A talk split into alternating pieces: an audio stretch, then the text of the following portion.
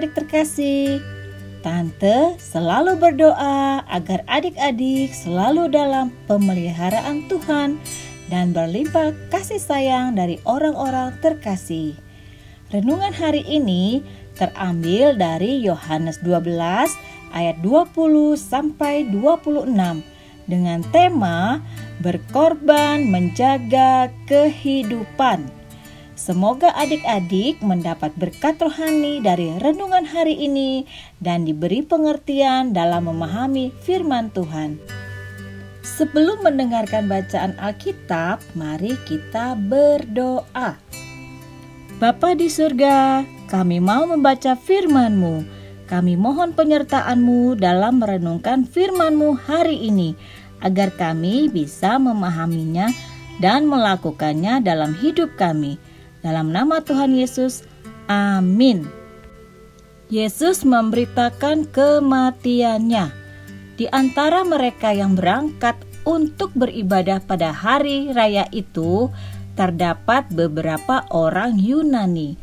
Orang-orang itu pergi kepada Filipus yang berasal dari Betsaida di Galilea, lalu berkata kepadanya, "Tuan, kami ingin bertemu dengan Yesus."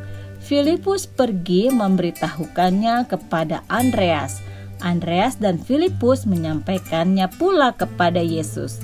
Tetapi Yesus menjawab mereka, katanya, "Telah tiba saatnya Anak Manusia dimuliakan. Aku berkata kepadamu, sesungguhnya jikalau biji gandum tidak jatuh ke dalam tanah dan mati, ia tetap satu biji saja." Tetapi jika ia mati, ia akan menghasilkan banyak buah. Barang siapa mencintai nyawanya, ia akan kehilangan nyawanya.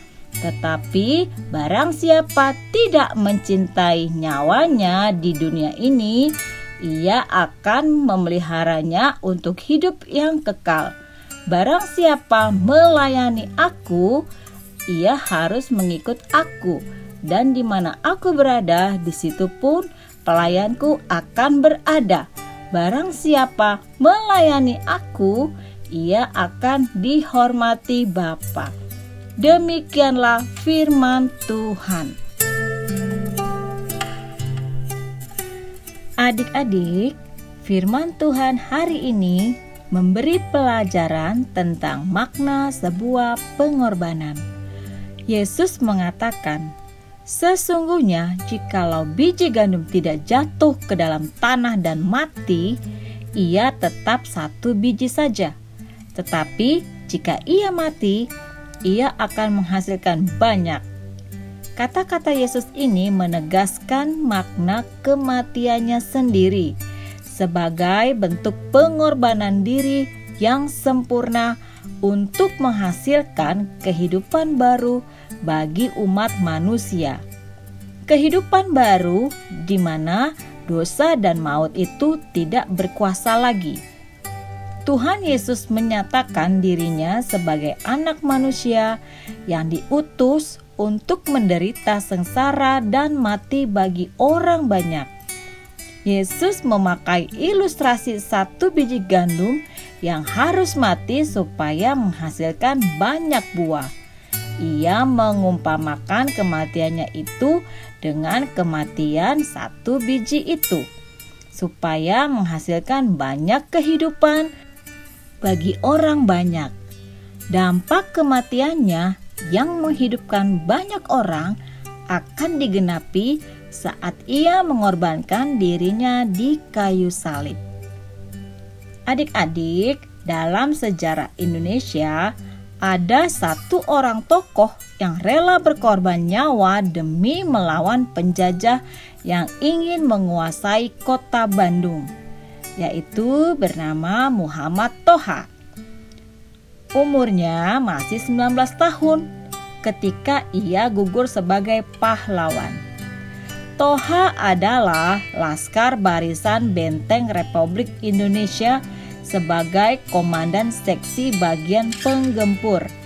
Setelah dengan sengaja tak mematuhi ultimatum tentara sekutu bagi para pejuang dan tentara Republik Indonesia untuk meninggalkan wilayah Bandung Selatan.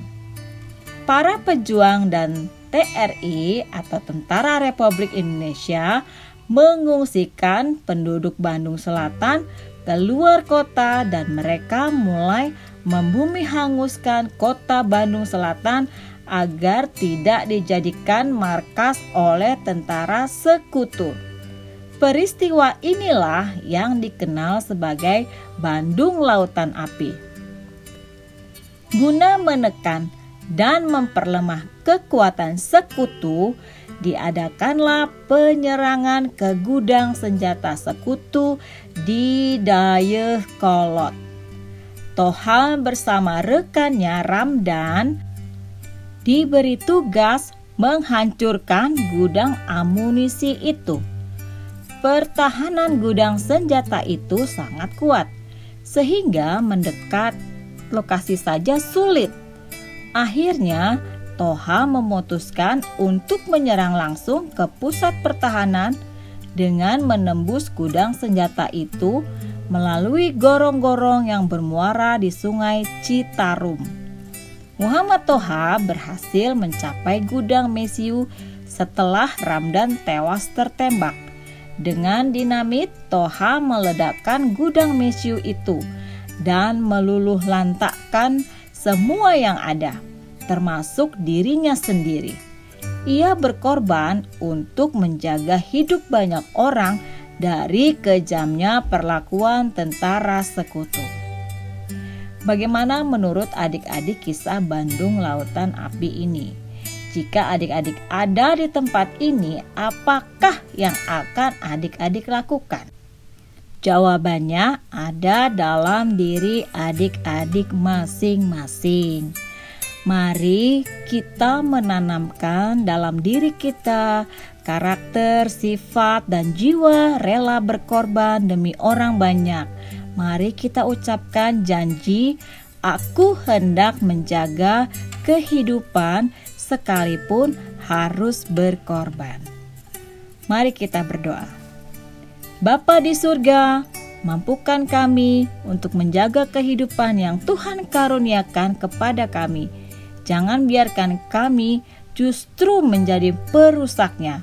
Dalam nama Tuhan Yesus, amin.